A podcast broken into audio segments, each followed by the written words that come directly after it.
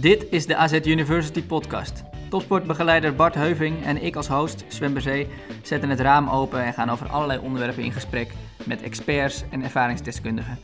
Leren door naar elkaar te luisteren dus. En dat ligt in het verlengde van het idee achter AZ University. Create your own success. Wij geloven in groei en ontwikkeling, ongeacht leeftijd en ervaring.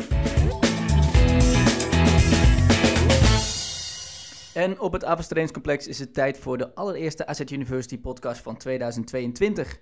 Wij trappen het nieuwe jaar af met onze elfde aflevering en daarin schrijft aan niemand minder dan Bart Zijlstra, beter bekend als Baas B. De rapper scoorde begin deze eeuw grote hits met Lange Frans, maar het succes eiste zijn tol. Bart kampte met een burn-out, depressies en pleinvrees en gooide het roer rigoureus om. Hij werd psycholoog en maakte in 2021, na jaren in de publieke luwte, zijn comeback als artiest met zijn eerste soloalbum. De veelzeggende titel Die Goede Nieuwe Tijd.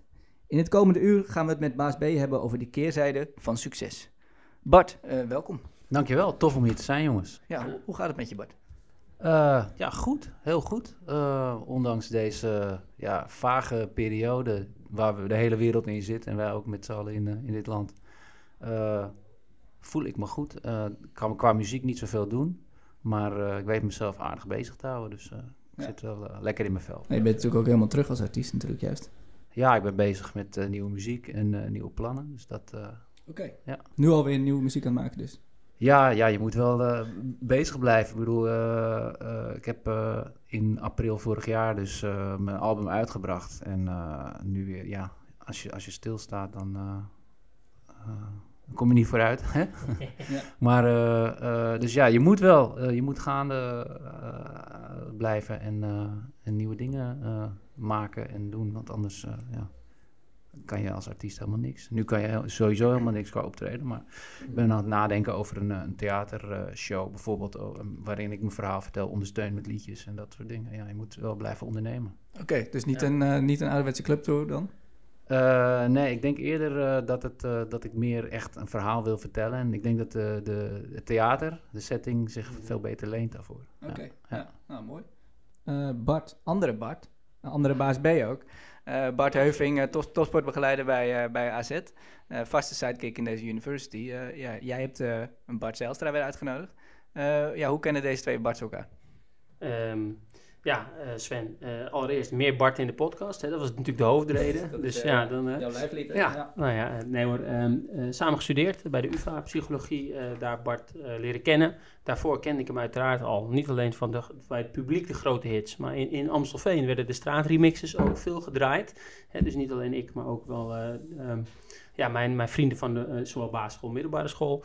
En ja, eigenlijk sinds we de studie gingen doen, dat was 2011, zoiets. Ja, 2010. Ik dacht 11, ja. 11. Ja, daar, ja, dus ja, daar veel gesprekken gehad. En daarna eigenlijk altijd contact mee te houden. En de ene keer wat intensiever, de andere keer wat rustiger.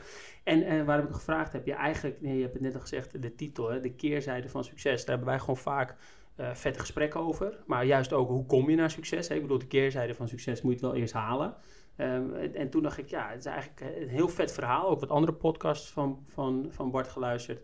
En toen dacht ik, ja, dit is eigenlijk... Uh, perfect ook voor hier. Want de, de, parallellen eigenlijk met voetbal. Ondanks dat mensen misschien denken, hé, hey, artiest, en, en, wat heeft dat dan misschien met voetbal te maken en hoe we dat bij AZ doen. Maar die zijn er volgens mij best wel veel. Dus, dus vandaar. Ja, mooi. Oké, nou laat, laten we dan inderdaad eerst even kijken naar die successen. Want die, die zijn er natuurlijk heel, heel duidelijk geweest. Um, een jaar of 15 geleden uh, stopte dat ongeveer, denk ik. Uh, ja, in 2009 ben ik, uh, ben ik uh, gestopt. Ik, ik, in mijn doorbraak was in 2004, dus ik heb ja. zo'n vijf jaar, vijf jaar lang dat succes beleefd. En daarna, daarna stopte het. Grote hits natuurlijk gehad destijds. Genoot je daar toen ook een beetje van?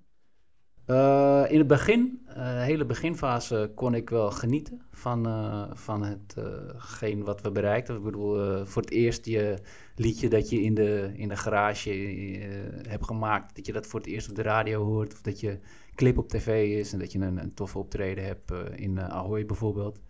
Dat zijn die, die begin, beginmomenten die dan echt, ja, dat voelt echt als oké, weet je, dit hebben we bereikt. Maar op een gegeven moment kom je dan in een soort ja, stroomversnelling terecht. Waarin je eigenlijk niet meer in staat bent om stil te staan bij dat soort momenten. En uh, dan eh, geniet je er ook niet meer van. En dan ben je eigenlijk bezig met hele andere factoren, eh, bezig je staande te houden meer, tenminste ik. Mhm. Eh, waardoor dat genieten eh, echt naar de achtergrond verdwijnt. Ja, een stroomversnelling klinkt ook bijna als iets wat buiten je eigen macht ligt. Ja, zo voelde het wel. Ik voelde, het voelde voor mij echt eh, alsof ik eh, in een acht, achtbaan ging zitten. En eh, waar ik niet uit Het ging maar door. Ja, ja exact. En, en eh, ja, je, je genoot er dus in het begin wel van. Eh, ja, wa- Wat was dan, eh, wa- waren er in die tijden dat je er wel van genoot? wa- Was er eigenlijk ook al een mindere kant van, eh, van succes? Dat het echt heel goed ging, jullie scoorden veel hits. Had je toen al op een bepaald punt zoiets van, ja, maar dit is ook wel minder eigenlijk. Eh, het allereerste begin niet. Alle aandacht en eh, eh, ja, bevestiging eigenlijk voor Mhm. wat je doet.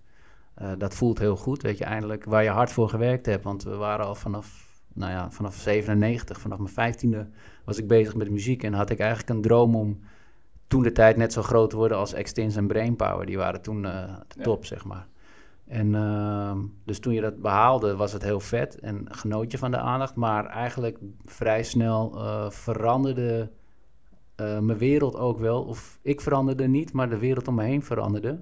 Ja. Waar, waardoor Mhm. ik eh, dacht van ja, wat, wat is dit, weet je? Hoe eh, kan ik mensen om me heen die mij benaderen? Iedereen benadert je al met voorbedachte raden of heeft Ja, al een ja. oordeel. Hoe kan ik nou ooit mezelf nog zijn? Of hoe kan ik ooit iemand eh, tegenkomen waarmee ik een oprechte band mee kan opbouwen? Dat vond ik heel, heel lastig. En mijn wereldje werd dus heel klein daardoor. Omdat ik ook weinig mensen meer vertrouwde, heel achterdochtig was. En eh, ja, eigenlijk alleen maar omging met eh, mijn kleine inner circle, met Frans en het management. En ik zag mijn ouders natuurlijk af en toe nog wel. eh, en mijn vrienden van vroeger. Maar door de drukte zat je eigenlijk alleen maar meer met, met, met het team waarmee je werkte. Dit, dit verhaal komt eigenlijk heel letterlijk ook naar voren in jouw nummer Lege Stad, van jouw laatste album. Hè? Ja, ja, klopt. Ehm, ja, kan, je, kan je daarover vertellen waar het nummer over gaat? Je, je moet even nadenken. Het is al zo lang geleden dat ik dat... eh, Ja, hij, hij ligt hier, hier ligt, ligt in ieder geval een stuk van de tekst eh, op tafel. Dus eh, eh, het gaat er in ieder geval over hoe jij zelf niet veranderde, maar de wereld om je heen eh, wel. Nou, ik, ik zal ook meteen zeggen waarom ik dat nummer specifiek ook naar Sven stuurde in de voorbereiding van de podcast. Wat je net zegt over de theatertour. eh, ik, ik wou eigenlijk net al interruperen, Sven, wat ik niet te veel moet doen. Maar is, je hebt inderdaad de nummers al. Want inderdaad, in Lege Stad beschrijf je dit stukje heel mooi. Waarin je ook letterlijk zegt, eh, die, en die quote hadden we, hadden we hier neergezet. eh, hoe je zelf niet veranderde, maar de wereld om je heen wel. ja. En, en als de wereld om je heen verandert, maar jij zelf niet, ja, dan dat is, dat is nogal wat. En ik denk dat heel veel mensen dat stukje van succes onderschatten. En, en, en, en dus dat heb ik het even over de buitenwereld. Maar ik denk ook de mensen zelf die het succes zeg maar, behalen, als je daar niet op voorbereid bent of over praat of over. Hè, en dat is de link precies die ik probeerde, eh, wat ik net zei met voetbal. Met voetbal is het natuurlijk hetzelfde. Je begint als hobby, je gaat voetballen, je komt bij AZ, leuk, je krijgt wat extra aandacht. Maar opeens zit je in Oranje onder 17 en komen er tig zaakwaarnemers en social media. En dus dan zie ik eigenlijk van de buitenkant, als ik de jongens hier begeleid, ook de wereld veranderen. En, en, en dat, dat is niet, ja, dat, dat wordt door zoveel mensen onderschat. Hoe, hoe misschien, ja, wat voor impact dat heeft. Ja, dat vind ik dat je fantastisch in dat nummer eh, beschrijft. Ja, en een lege stad is eigenlijk eh, eh, een metafoor voor de leegte die je van, van binnen voelt dan. Want je voelt je eigenlijk heel eenzaam. Ja. Omdat je, er zijn weinig mensen die je echt begrijpen. Want je familie zelf, die zijn hartstikke trots. En Mhm. die zien jou, nou, bij mij, in mijn geval op tv of in de krant. Of, en, en, en op verjaardagen ging het daar alleen maar over. Weet je? Terwijl ik dacht, ja... God, Die zien alleen maar, het gaat goed met eh, baas B. eh, ja, en dan ging het over baas B. Ik dacht, als ik ergens eh, mezelf kan zijn, is het bij mijn familie, weet je wel. En dat, dat was zo frustrerend. En dit wat je zegt, hoeveel voetballers niet er tegenaan lopen, dat waar ze ook komen, ze de voetballer zijn. En dus niet aangesproken worden als de mens, die ook andere hobby's heeft, andere interesses. Maar alleen maar de voetballer, waardoor het dus altijd over voetbal gaat. Ze altijd aanstaan, maar Ja. dat dan heel moeilijk vinden om te zeggen van, hé, hey, tegen diegene, hé, hey, wacht even, leuk dat je erover begint, maar ik ben nu even weer, in jouw geval niet baas B, maar Bart. Of ik ben Mhm. nu niet de voetballer, puntje, puntje, maar nu even de mens. Dus, dus ook dat is een proces wat je moet leren. En dat is helemaal niet onbeleefd of onbeschoft. Want je, anders word je er helemaal gek van. Dan word je constant in die rol, zeg maar, aangesproken. Ja, Sven, ik, eh, nou ja, goed. En dat was precies ja, waar, wat je nu zegt. Waar ik ook, toen ik dat hoorde, dacht van, ja, dat is volgens mij de metafoor. En, en dat ik denk, ja, dat verhaal moet gewoon, moet, moet. Ik zou het heel vet vinden als dat verhaal meer naar buiten komt. Zowel voor de mensen zelf, die zeg maar richting het succes gaan of het succes hebben. Maar zeker ook voor de mensen eromheen. Ja, want de ironie is misschien wel dat, dat jij je natuurlijk eenzaam voelde. Ja. Maar er zijn waarschijnlijk veel meer mensen die zich zo eh, wel eens voelen. Ja, ik denk dat sowieso eh, dat als je echt aan de top staat, eh, topvoetballers eh, best wel een klein cirkeltje hebben van mensen waarmee ze, die ze echt vertrouwen, waarmee ze omgaan. En als je naar buiten stapt, zomaar gewoon even vrij naar buiten gaan, eh, is, al, eh, is al moeilijk. Omdat je dan al overal geconfronteerd wordt met eh, jouw eh, succes. Of mensen herkennen je en je moet weer in die modus. In mijn geval, ik, op een gegeven moment ging ik echt een, een soort masker eh, dragen. Van oké, ja, ik ga wel in die rol zitten, weet je wel. Op een gegeven moment zit je zo lang in die rol... dat je eigenlijk vergeet wie je zelf nou e- echt bent... en wat je nou belangrijk vindt. Ja. Dan wordt het een soort van oppervlakkig ook daardoor. Ja, dat, eh, oppervlakkig is wat mij betreft het woord. En eh, wat logisch is dat je dat wordt, omdat je deelt, maar wat je waarschijnlijk niet gaat helpen, die oppervlakkigheid. En dat zeg je in, eh, zonder dat we alle nummers gaan bespreken, Sven. eh, want eh, eh, maar in, mooi, in het woord. Dan, eh, dan moeten mensen maar Precies. Spotify Ja, het album Nou, we hebben eigenlijk de theatertour al door middel van de podcast. Nee, maar en, en dit- dit wat je schrijft qua lege stad, maar wat je nu zegt, doet mij heel erg denken aan, aan ego shit. Waarin je dat, eh, die quote van Eckhart Tolle was het, hè? ik appte jou van wat een fantastische quote, waar je dat nummer mee begint. Ja, Eh, Dus als je heel veel succes hebt, blijf je ook vaak aan de oppervlakte. En dat vond ik zo mooi om die quote. Hè, en dat zullen we erin, eh, erin eh, hoe heet dat Sven? Erin knippen, Ja. Ja. dat stukje. Maar daar zegt Eckhart Tolle van ja, als je heel veel succes en dus ook geld en aandacht en andere dingen hebt, blijft ook vaak oppervlakkig. Want het gaat niet goed met me. Let's fly to Paris. ja. We gaan even, ja, dat vond ik zo. Dus je hoeft niet, je hoeft ja. niet eh, naar eh, binnen te gaan, echt de diepte Ja. in te gaan. Je kan eh, heel makkelijk eh, dan eh, eventjes vluchten. Zo is het, ja, vluchten. Ja. Al je, alle middelen zijn er.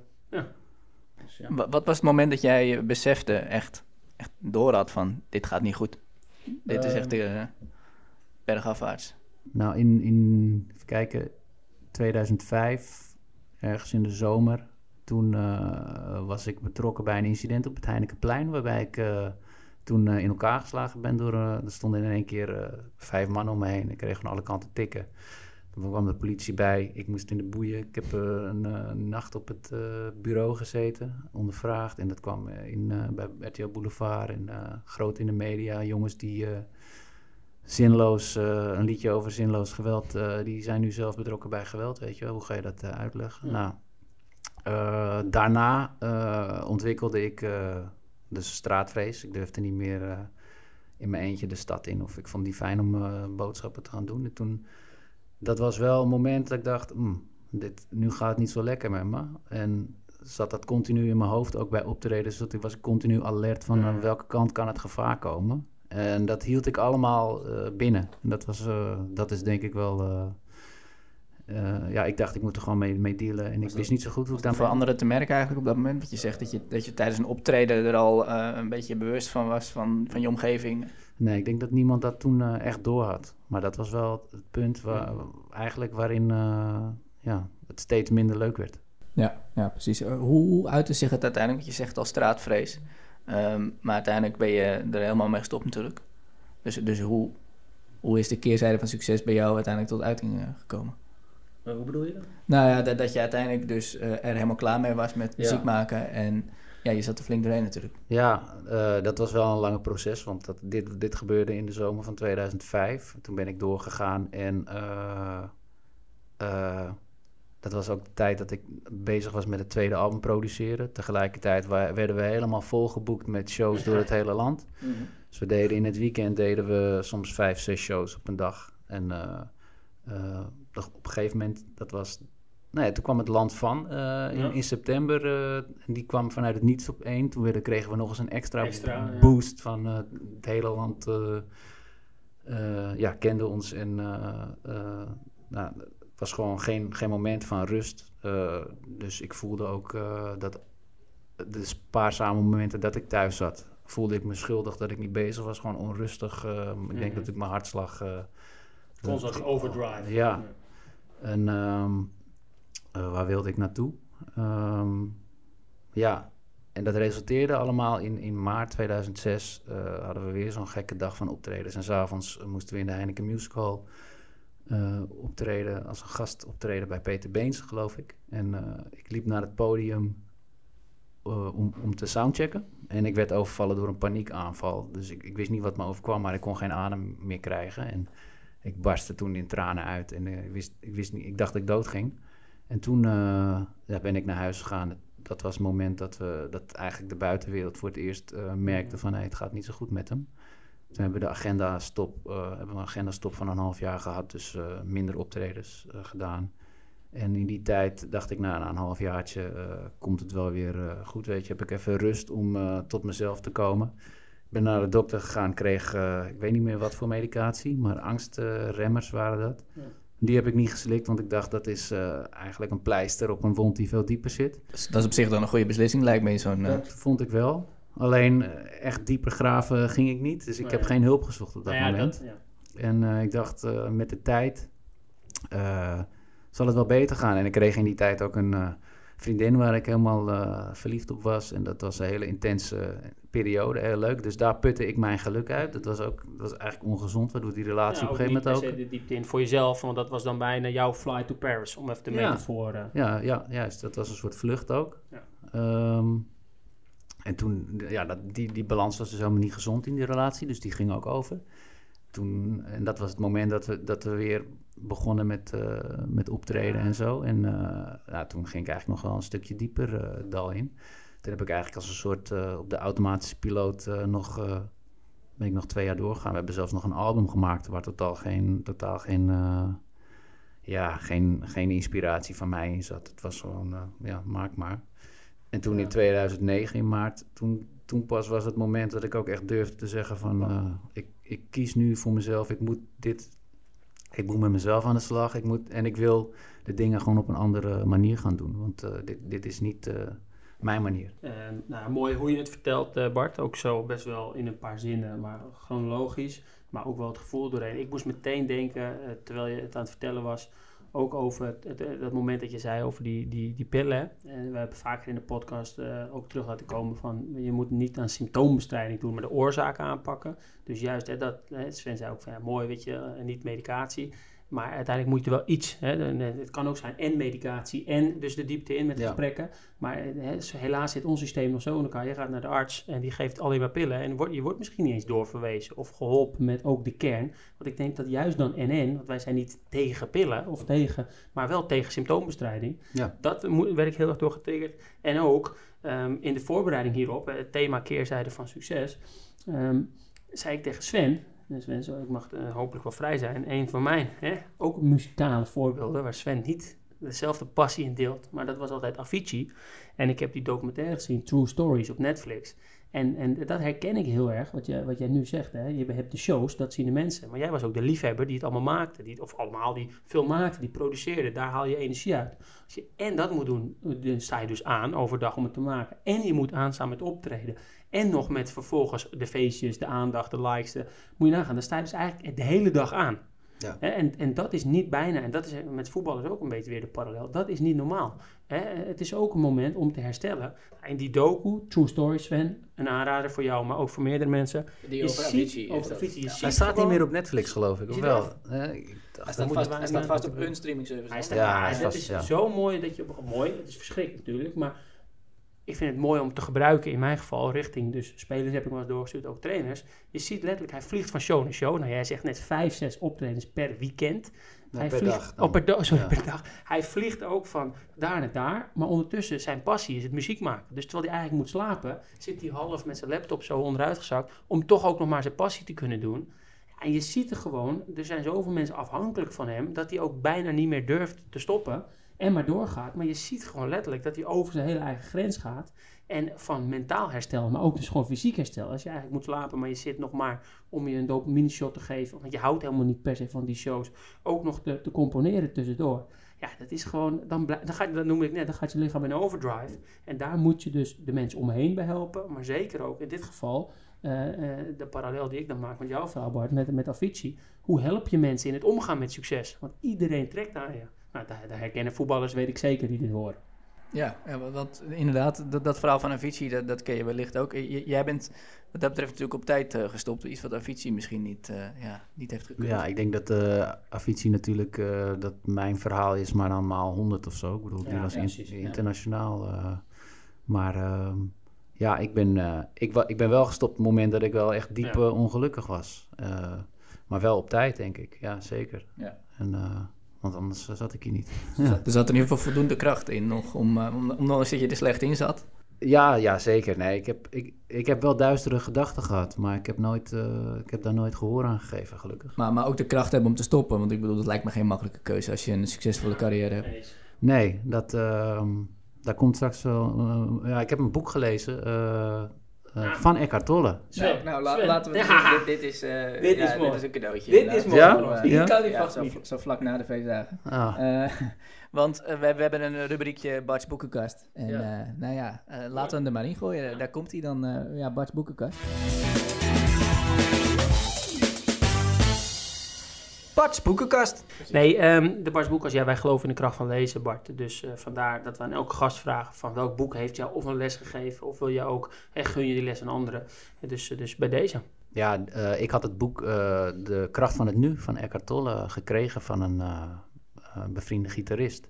En dat las ik en dat gaf mij de kracht eh, om te zeggen van, eh, weet je, ik ben niet eh, het geld, ik ben niet het su- succes, de aandacht, dat ben ik allemaal niet. Dus eh, ik kan dat gewoon loslaten en ik ga ontdekken wie ik ben zonder dat. Dat was de uitdaging.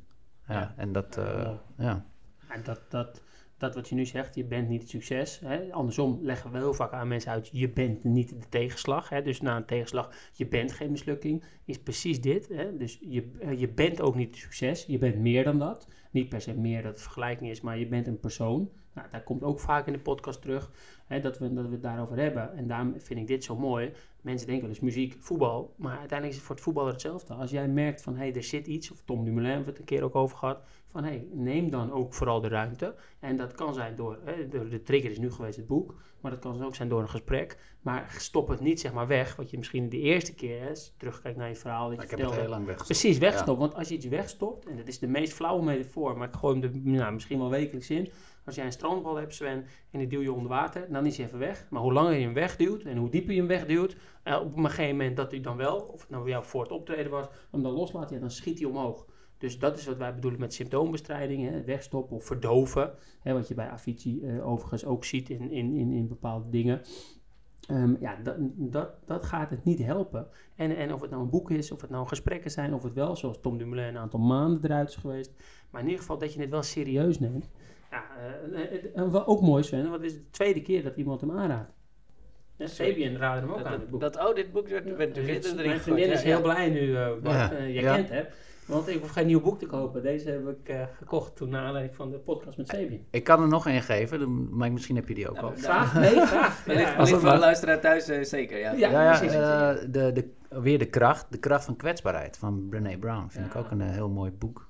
Dat gaat over eh, niet alleen zozeer kwetsbaarheid, dat je alleen maar open bent over hoe moeilijk je het hebt, maar het gaat ook over moedig zijn en uit je comfortzone stappen. En ondanks, eh, ja, gewoon risico nemen. Dus ook bereid zijn om fouten te maken. En, en wat dat voor jezelf kan doen. Ja. En voor je eigen waarde. En eh, eh, ja, Ja, dat, fantastisch. Ook een hele vette TED-talk heb jij daarover gedaan. ja, zeker. En, Ja. En ik geloof dat als je, als je dat doet, als je je kwetsbaar durft op te stellen, dat je dan. eh, dat, had ik de- dat heb ik dus al die tijd niet gedaan ook. Nou ja, wat ik zo mooi Ehm. vind, wat je nu zegt, is... Want ik, ik, eh, ik ga het boek kopen. Die heb ik nog niet, wel die TED-talk dus gezien.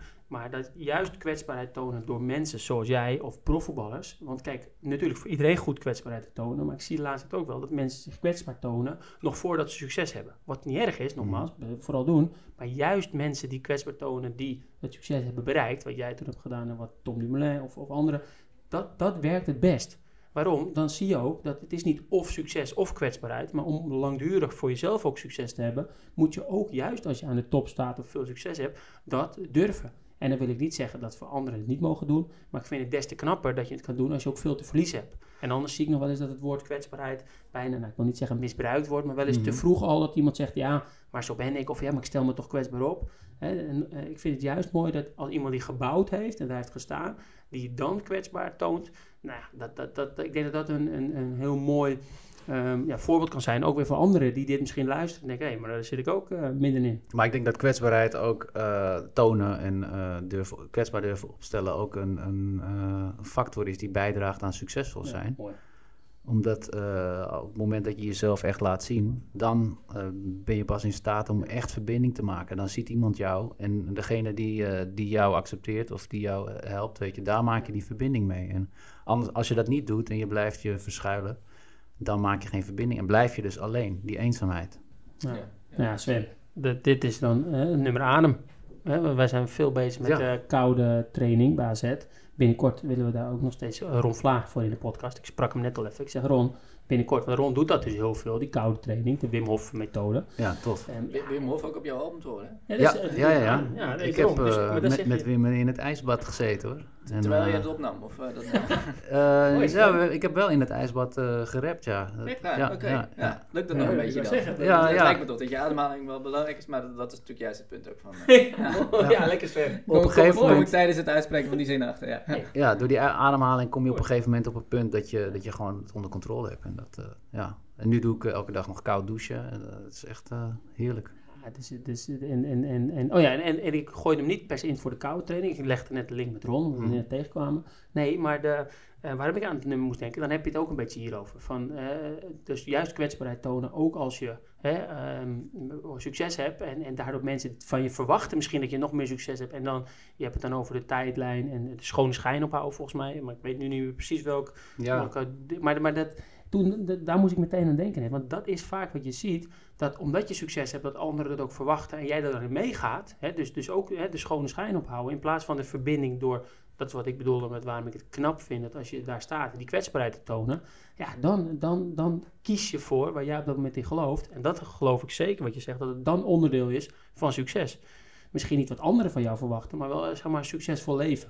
In Ja. plaats van Hè, dat, dat, dat wat er eigenlijk verwacht wordt, dat jij alleen maar je hoogtepunten neerzet of je idyllische plaatjes. ja en dat is eh, hetgene wat nu eh, op, op Instagram, weet je wel, eh, dat, is best wel, dat is best wel heftig. Ik ben blij dat ik dat niet in die tijd had. Want Ja. het lijkt me nog, ik weet niet hoe je daarmee om moet gaan. Ik denk dat het nu nog, nou ik wil niet per se zeggen moeilijker, want dat doe ik jou ook niet, qua de tijd dat jij zat, maar ik denk dat het wel nog een extra factor is die, die dat nog, nog in ieder geval ehm, vergroot. Ja, wij, Ja, wij, wij hebben hier al jeugdspelers die al duizenden volgers hebben. Sommigen, niet allemaal natuurlijk, maar... eh, Nee. Ja, nee, nee, precies, Dat ja. niet altijd makkelijk. Nee, zeker niet. En, en, en daarin, en daarom, nou ja, hè, ik, heb hier het eh, kaartje net aan jou laten zien van de, van de workshops uit het TOSSE-programma, die, die van omgaan met succes.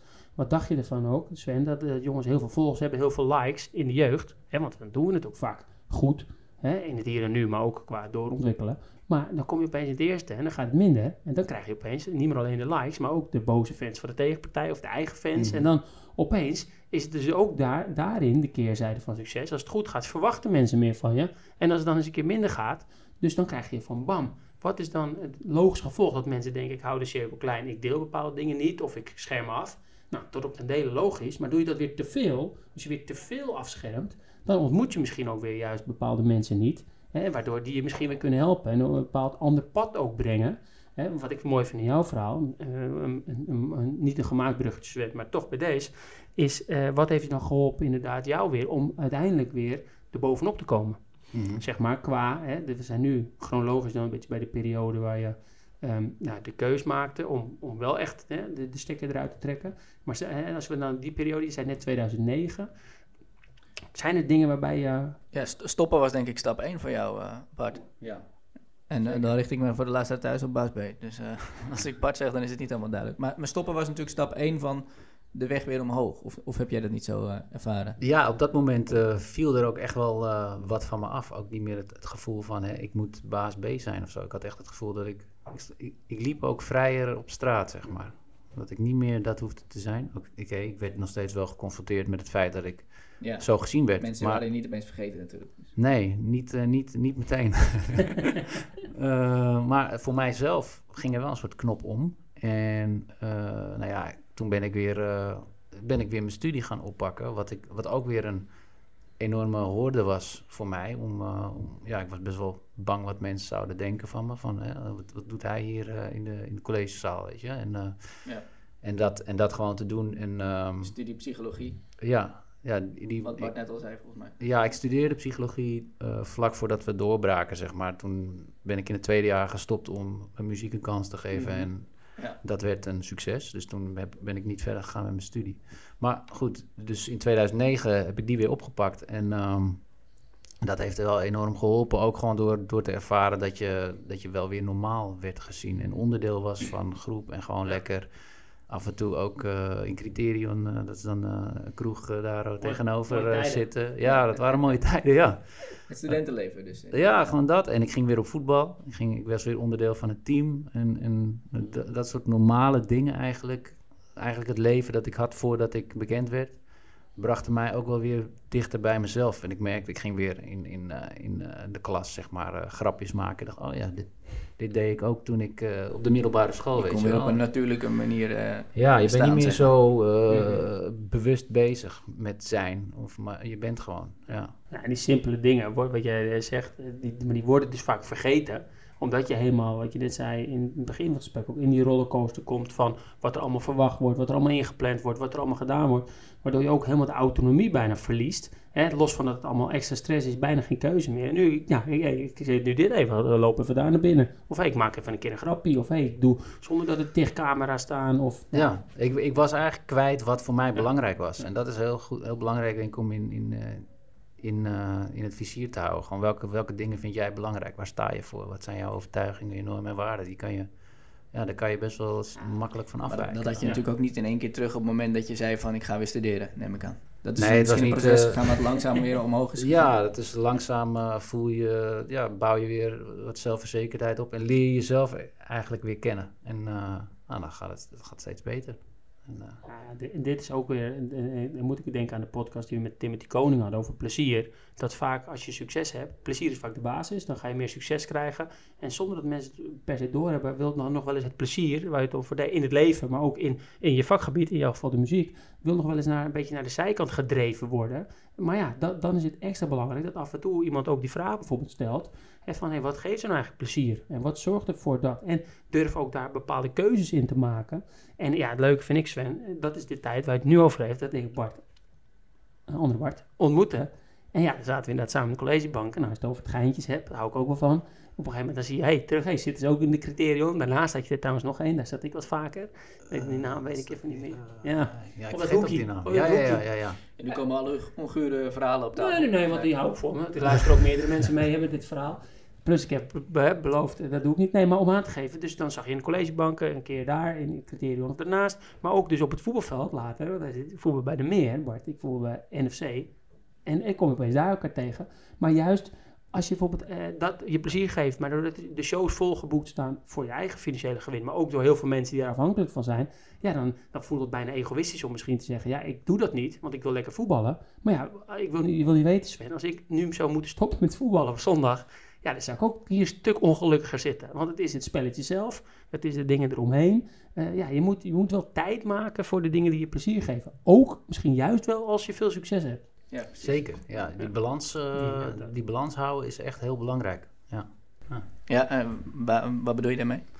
Nou, dat je, dat je balans houdt tussen het moment dat je, dat je aanstaat en presteert... en dat je het moment eh, rust neemt of ontspanning. En eh, dat je daar echt goed naar kijkt. Want eh, je, kan, je bent geneigd om de hele tijd in die, in die ja, Mhm. eh, actieve modus te gaan zitten. En eh, ja, vergeet je wat je eigenlijk... wat de andere dingen. Ja, en, en dan de link met voetbal hier met leggen, met dus zeg maar profvoetballers, is als een speler bijvoorbeeld zegt, ja, ik kies, ik wil voetbal zijn, maar ik kies ook voor mijn kwaliteit van leven, dan is de eerste reactie in de media, maar ook van mijzelf vroeger wel, oh, maar dan doe je er niet alles aan. Terwijl je juist, als je dat wel doet, die kwaliteit van leven voorop stelt, ga je waarschijnlijk, dat is een beetje de paradox, ook nog eens beter presteren, omdat je beter fysiek en mentaal hersteld bent. En dit heeft, eh, om niet een oude jeugdspelers nou per se groter te maken in de podcast, maar Teun Koopmijn is in de VI, en dat stukje zullen we even online ook zetten, zegt hij dit over, dat, dat, dat hij naar Italië nu is gegaan. En natuurlijk wil hij nog steeds presteren, maar hij wil ook zijn zijn leven zo inrichten, ze- dat zijn kwaliteit van leven goed is voor hem, voor zijn familie, zodat hij uiteindelijk, dat is niet in plaats van presteren, nee, dat draagt uiteindelijk, dat is de paradox, juist vaak bij aan langdurig succes. Ja. Ja, exact. En we, we hebben over, over je oud-jeugdspelers gesproken van, eh van AZ. Fabian Spooksleden natuurlijk ook gehad in de podcast. Die, eh, die, die uiteraard ook voetballer is, nog steeds. Maar ook te kamp heeft gehad met blessures. Ja. En eigenlijk een beetje, net zoals jij eh, zei... wie zou ik nog zijn als ik baas B niet was in het verleden? Ja. Zo had hij ook zoiets van... wat als ik nou geblesseerd ben, ben ik dan niemand meer... want dan ben ik geen voetballer meer. Dus die is zijn eigen bedrijf begonnen naast de, naast de voetbalcarrière. En, Ja, mooi. en zoveel gelukkiger. Dus eh, ja, hoe ben jij uiteindelijk weer eh, dan helemaal gelukkig geworden?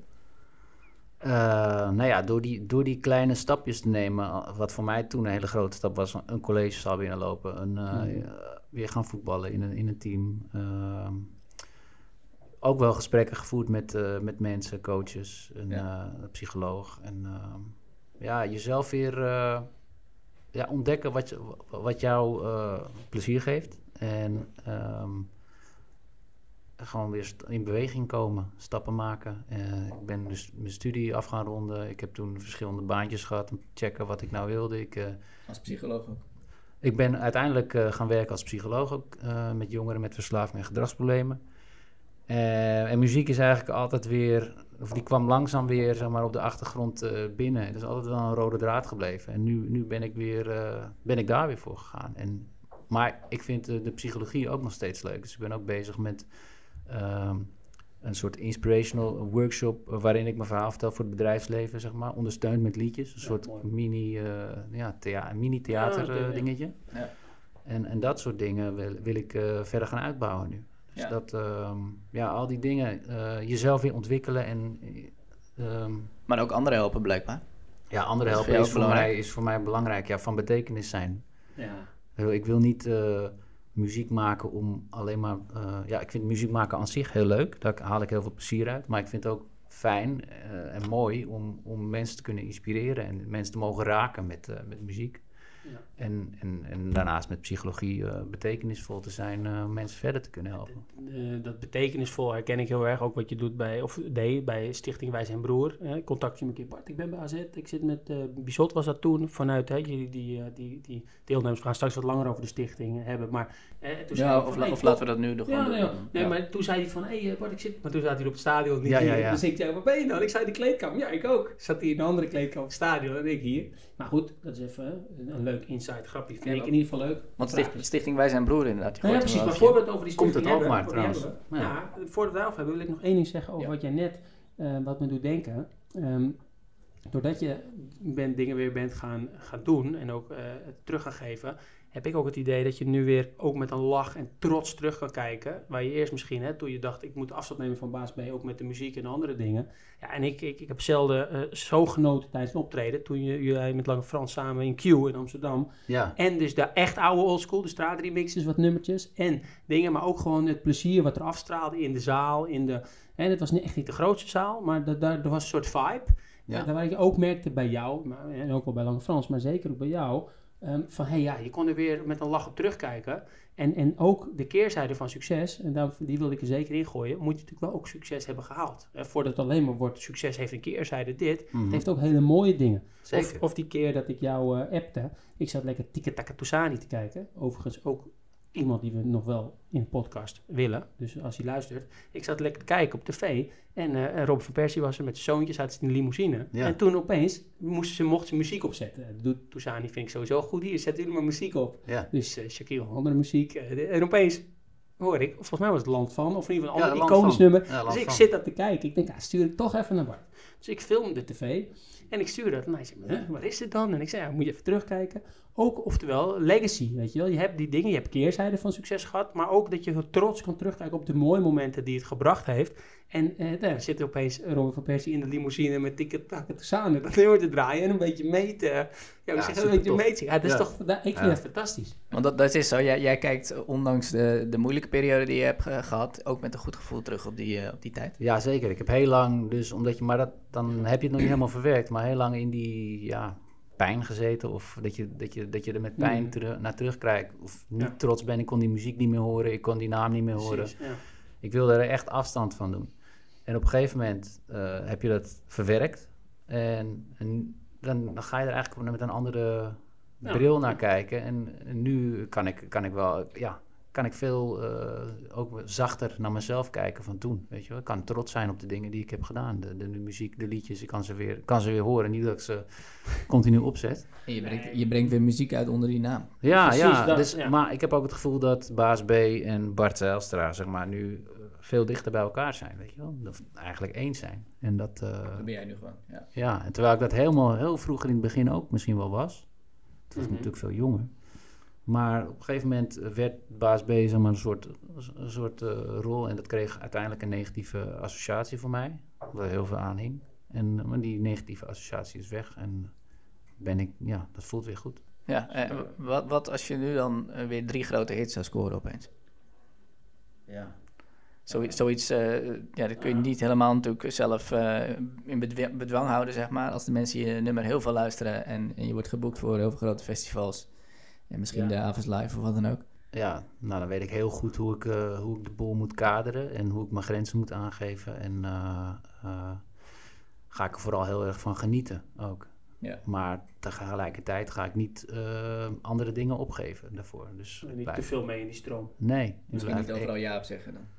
Juist, ja, gewoon kiezen wat, wat is voor mij belangrijk, wat past bij mij. En, eh, en zelf de regie in, eh, in handen nemen. Want vroeger dacht ik, ja, oh shit, ja, het zal er wel bij horen. Ik ga, er, ik ga erin mee. En eh, ja, het was ook natuurlijk allemaal nieuw en, en spannend.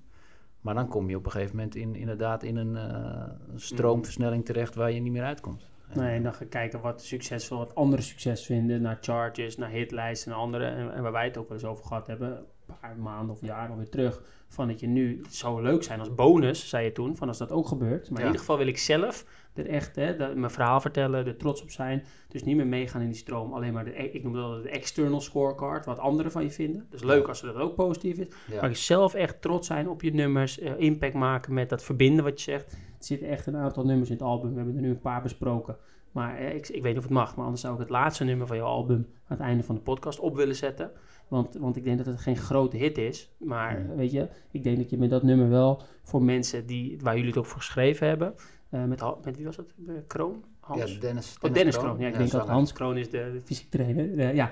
ja, dat nummer. Ik denk dat je, dat je misschien dat nooit top 1 in de hitlijst heeft gestaan. Maar ik weet zeker, in ieder geval toen ik het hoorde... en een aantal mensen hebben doorgestuurd die daarmee kampen... ehm, eh, eh, ziekte van, Mhm. van, van kinderen of ziekte van anderen... dat je daar echt wel nu al een hele grote impact mee maakt met dat nummer. Alleen niet, op, niet in de top 40 charge. Nee. Nee, en, en ik- heb toevallig eh, een paar weken geleden op een boekpresentatie ook van ouders die eh, jong hun kinderen of jonge kinderen verloren hebben. Ja.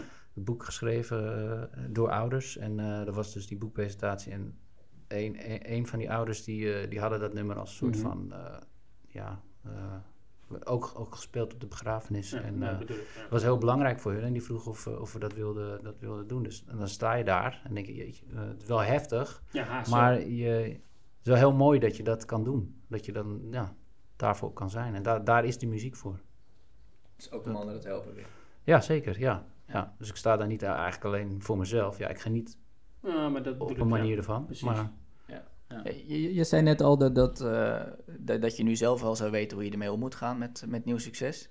Ehm, maar je kunt natuurlijk niet terug in de tijd en dan weer onbevangen erin gaan. Dus stel dat iemand nu, zoals jij ooit, eh, jong is en aan het begin, begin van een eh, succesvolle carrière staat. ja. Ehm, ja, kun je je dan voorbereiden eigenlijk op het omgaan met succes, wat je dus nog niet hebt ervaren? Is dat mogelijk? Ehm, mo- moeilijke vraag. Kun je je Mooie voorbereiden? vraag, Sven. Misschien, Ja. misschien andere Bart, eh, die, die al, eh, dan, dan kan Baas beter even over nadenken. Ja, Ehm, ja, Sven, eh, ik, ik hou van dat soort vragen, omdat dat gaat over wat, een van mijn favoriete quotes. Hè? It's easier to build strong children than to repair broken men.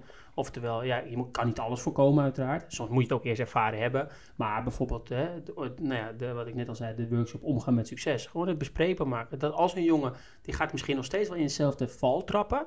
Hè? Of val, of in ieder geval hè, dezelfde dingen meemaken als waar, eh, waar Bart net over vertelde. Alleen dan weet hij ook, hé, ik heb het toen een keer besproken. Hey, ik kan in ieder geval met iemand erover praten. Of misschien heeft iemand deze podcast geluisterd en denkt dan, hé, hey, dus ook dat is wat mij betreft een vorm al van preventie. Dus niet dat we het helemaal willen voorkomen, maar dat we in ieder geval dat taboe als het ware eraf halen. Plus, ja, eh, wat, wat ik zei, in de workshop omgaan met succes, gooi ik altijd het quoteje erin. Daar begin ik dan de workshop mee. Jongens, eh, de quote van Bill Gates. En denkt iedereen in, de, in de zaal, wat is dit nou? Eh, Bill Gates, wie is dat? Dat is ook al mooi. Eh, Apple kennen ze, maar Bill Gates niet meer. En heb ik de quote, success is a lousy teacher. It seduces smart people into thinking they can't lose. Dus dan gaat het over eigenlijk de keerzijde van succes. Dat als jij denkt, eh, ik ben het mannetje, ik ben een toptalent, omdat je een paar keer succes hebt gehad. Los nog dat je uiteindelijk misschien de, de dingen die, waar Bart het net over gehad heeft in meegaat. Dat je ook op dat moment een soort van jezelf eigenlijk vastzet vastzetten om te ontwikkelen. Want jij Ja. bent het al helemaal. Mhm. Ja, en dat gewoon bespreekbaar maken. En dan ook heus misschien nog wel wat concretere tips. Bijvoorbeeld ga met iemand in gesprek. Of, hè, eh, maar, maar gewoon de, eh, niet doen alsof het er niet is. Want 62% bijvoorbeeld van de voetballers, als je het over de keerzijde van succes hebt, 62% hè, las ik laatst een, een onderzoek, eh, gaat failliet.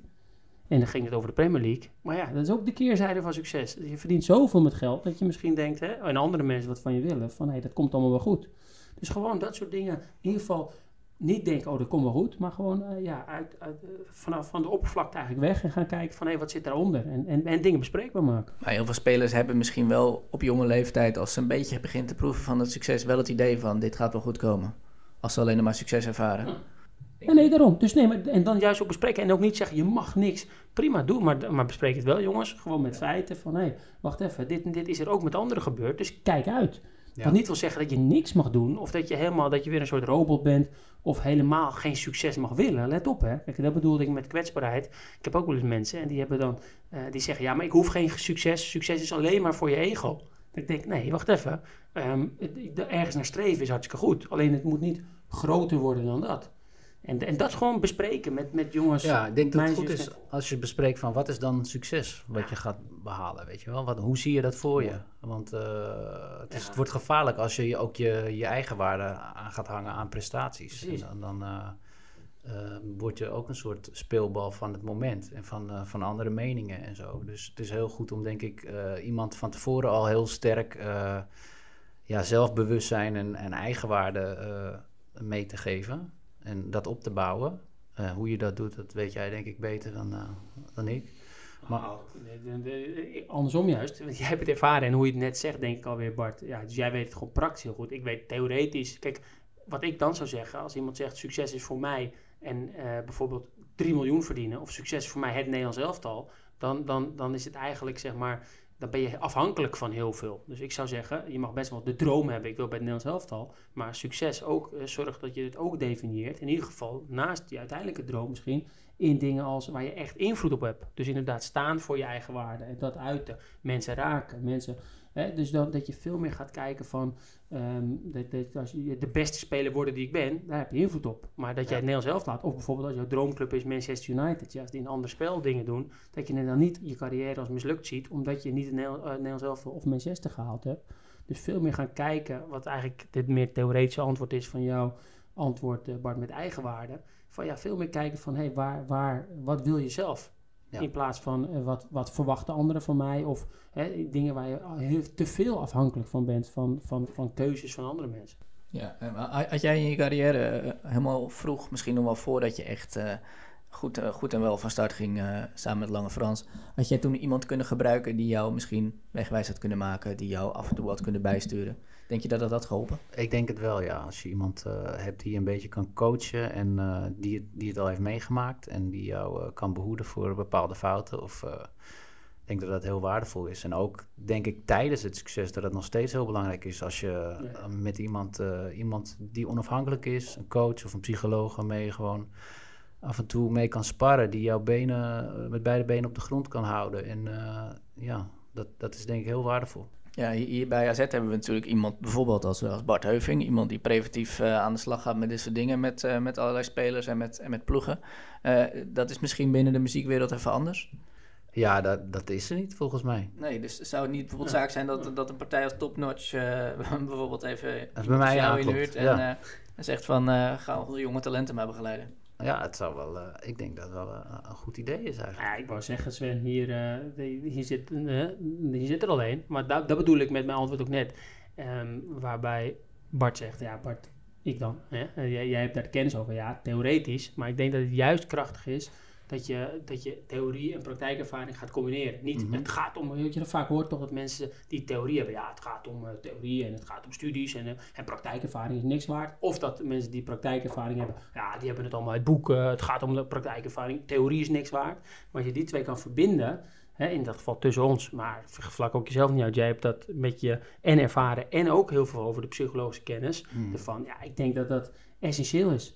Ehm, want, want juist in de, muziek, in de voetbal gebeurt er steeds meer, maar zijn we er ook nog lang niet. Maar zeker ook in de muziek, ja, juist als je succes hebt hè, en de, je krijgt heel veel aandacht, ja, de omgeving verandert en jij verandert in eerste instantie zelf niet. Hè, wat je in, in het begin uh, of in Lege Stad zei. Aan de andere kant, misschien verander je ook wel, niet om jou tegen te spreken in je nummer, maar als je bijvoorbeeld niet meer gaat voetballen, niet meer gaat uh, bepaalde grappen uithalen, ja, dan dan, dan is er misschien intern nog niks veranderd, want jij bent nog steeds dezelfde persoon. Maar ga jij misschien qua gedrag wel veranderen. En uiteindelijk, als je dat gedrag maar vaak niet meer doet, bijvoorbeeld voetbal, verander je uiteindelijk als persoon ook. Want dat is, was ook onderdeel van jou.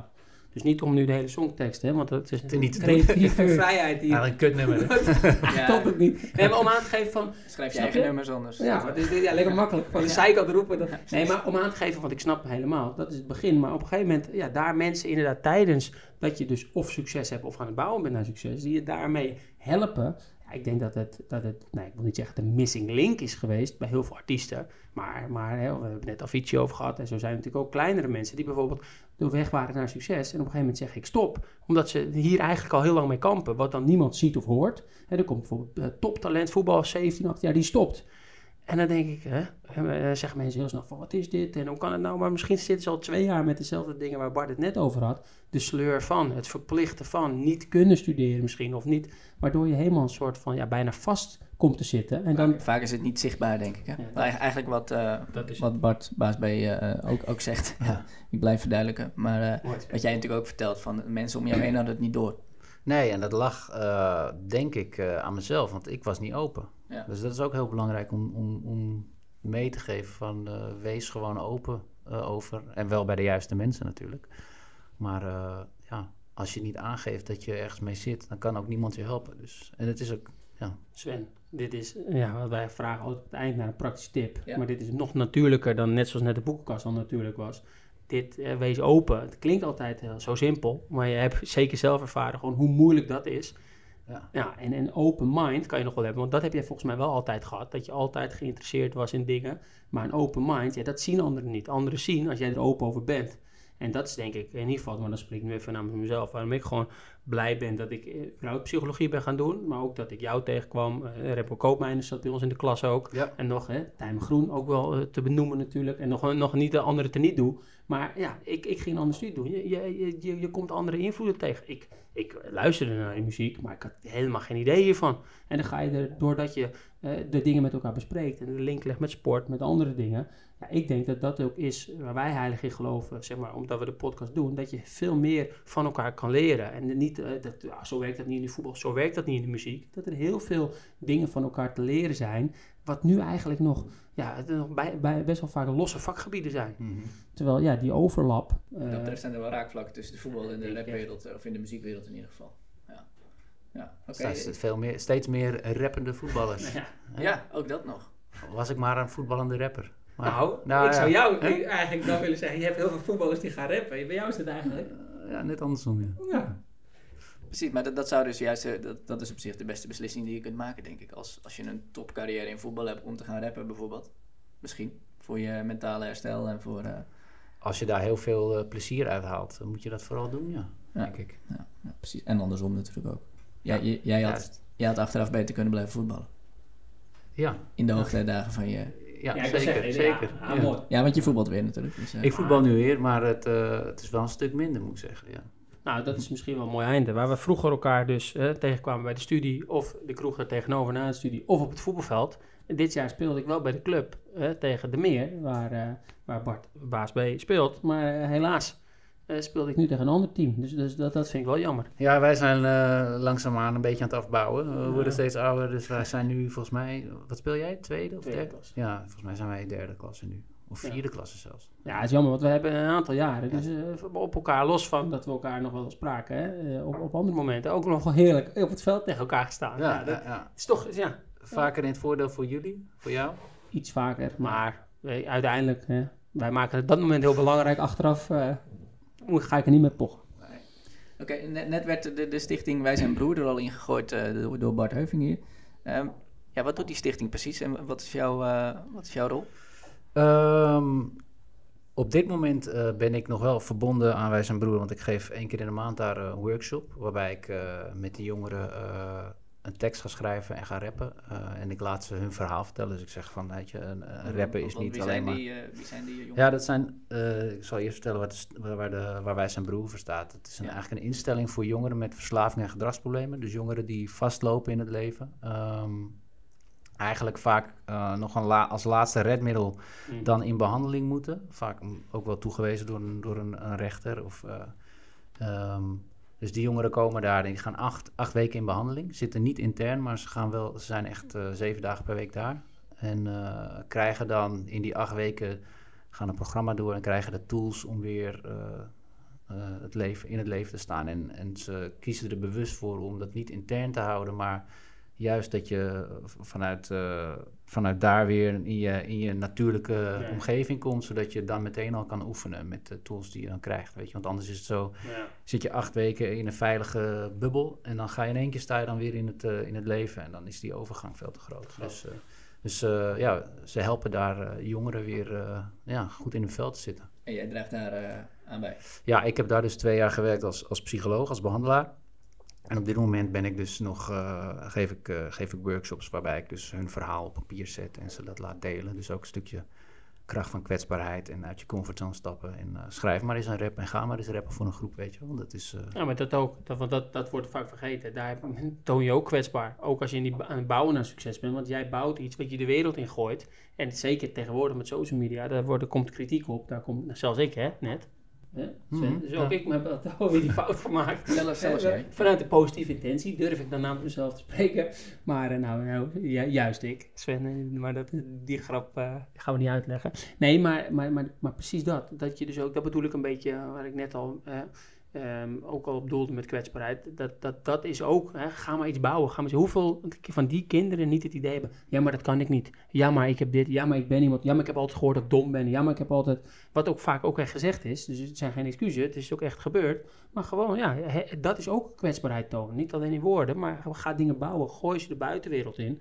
Ja, en daar, ehm, nou ja, goed, hebben wij het veel over gehad. Dat is, dat is zo'n krachtige, ehm, niet om jou per se heel veel veren in de reet te steken, Bart, maar toch bij deze. nou, Dat wel. komt wel echt beter binnen, omdat je dat ook gedaan hebt. Stel, ik zou Ja. precies theoretisch datzelfde verhaal bij hun gaan doen. eh, en, en dan niet over rappen, maar over iets anders. En ik zou ja, je moet dit. Jij hebt dat wel gedaan. Waardoor Mm. mensen voelen ook wel echt, of in ieder geval, laat ik naar mezelf spreken. Ik voel dan ook echt van, hé, hey, wacht even, ja, dit is, het komt bij mij in ieder geval meer binnen. Dan dat iemand theoretisch fantastisch vertelt, misschien hoe dat in theorie werkt. Ja. Dat is wel echt de kracht van, van, van de ervaring ook. En, en, en daarin, je hebt het met geen over kwetsbaarheid tonen, maar je toont jezelf ook kwetsbaar. Ja, dat is... Ja, ja over, over blootgeven, eh, jezelf blootgeven gesproken. Dat, Ja. dat is op de, de albumhoes van, jou, eh, van jouw laatste eh, plaat natuurlijk goed te zien, denk Ja, ik. Hè? Ja, Dat, dat staat misschien wel symbool voor, eh, voor dat album. Zeker. Dat is wel, heb je goed, eh, goed opgemerkt, ja. ja. Zeker, dat was... eh, ik lig daar in een foetushouding. Dus het is eigenlijk ook een soort van ja, hergeboorte. Mhm. Een nieuwe ik, een die goede nieuwe tijd. En, eh, en, en ik, ben, ik stel mezelf kwetsbaar op in het album en ook op de hoes, ja. Zeker. Ja, Dus, ja. ja. precies. Nou, toepasselijk. Dus, oké. Ja, nou, als het mag, maar dan moeten we even regelen met dingen. Doen we, doen we, omdat toch, jij bent ook de eerste artiest, in ieder geval muziekartiest, want sommige voetballers zijn ook artiesten, vergeet het niet. Ehm, doen we, eh, ja, ik zou het laatste nummer van je album Van willen mij, doen. ja. Precies. En dan, eindigen we een keer, Sven, in, in, de, in de geest van een van mijn favoriete podcasts. Want dat is niet deze, dat zou heel narcistisch zijn. Dat is nog steeds de Core Podcast. Die eindigen altijd met een muzieknummer. En ja, het voelt bij ons normaal niet per se lekker om dat aan de gast te vragen. Je moet niet alles kopiëren van je favoriete podcast. Maar in dit geval, als jij het goed vindt, dat laatste nummer van het album. Ja, zeker. Ja, dat is... eh, dus Nou, te gek. Oké, dan kondig ik hem even af en dan komt daarna eh, dat, dat nummer van, eh, van Baas B eh, daarin. Wat is de titel van het nummer? Vandaag. Vandaag. Oké. Nou, heel erg bedankt Baas B, Bart, voor jouw komst naar het eh AVAS trainingscomplex. En natuurlijk jouw openhartige verhaal. Ja, tof om, Eh, hier, om hier te zijn. Dankjewel voor, eh, voor de mogelijkheid. Ja, leuk. Wellicht zien we je volgende keer in een theater eh, bijvoorbeeld. Maar- Zou leuk zijn, ja. Of iets anders. Welkom. Dus, Ik eh, nodig jullie uit als, eh, als het zover is. Kijk, kijk, dat is te gek, eh, Bart. AZ University Podcast on tour. Niet te zien, maar, eh, maar ik en Bart gaan voor elkaar even een boxje, omdat we hier toch die, eh die Mm. VIP, die VIP plek eh toegewezen krijgen. Dus, eh, Viplekken ook. Hey, hey, mooi, Ja, dat ja, heeft hij ja. niet gezegd, hè? hij niet heel goed. gezegd, maar... Meteen hoog goed. Ja, je, moet, je moet er gelijk... eh geef me Heel één goed, vinger en, eh, heel goed. is goed. Oké, eh, en eh, ja, we, we, wensen jou natuurlijk heel veel succes uh, met, met, je, met je album nog, maar vooral met de nieuwe muziek en de nieuwe dingen die je, die je gaat doen. Dankjewel. Bart Heuving en ik zijn er binnenkort weer met, een, met de volgende aflevering over weer een totaal ander onderwerp. Hartelijk dank voor het luisteren en tot de volgende keer.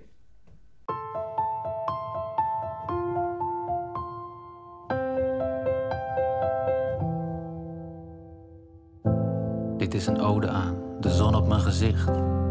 De stilte in de morgen die ochtends naast me ligt. Dit is een ode aan de glimlach van mijn vader, de armen van mijn moeder, de liefde voor mijn broeders. Dit is een ode aan wat je voor lief kunt nemen. Die ene mooie gele bloem die bloeit tussen de stenen. Zie hoe mooi het leven is, dat liefde een gegeven is, als niets vanzelfsprekend is. Geniet maar van vandaag. Morgen is niet zeker. Als liefde jou genezen kon, was je gisteren beter. Dit is een ode aan het nemen van de tijd, aan het maken van verbinding en echt met elkaar zijn. Dit is een ode aan herinneringen zomaar, een wandeling met opa verhaaltjes van mijn oma. Dit is een ode aan wat je voor lief kunt nemen. Het vallen en weer opstaan en door op eigen benen.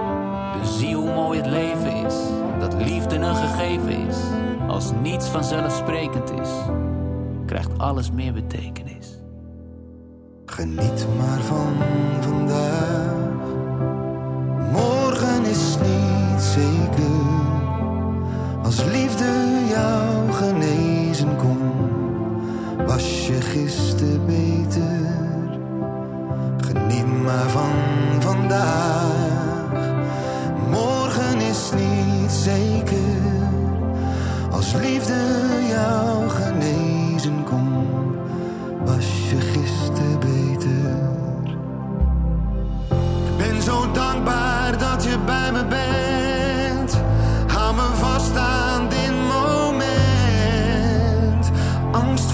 er komen gaat, laat ik los.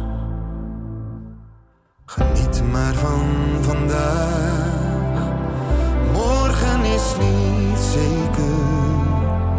Als liefde jou genezen kon, was je gisteren beter.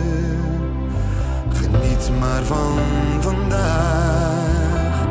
Morgen is niet zeker.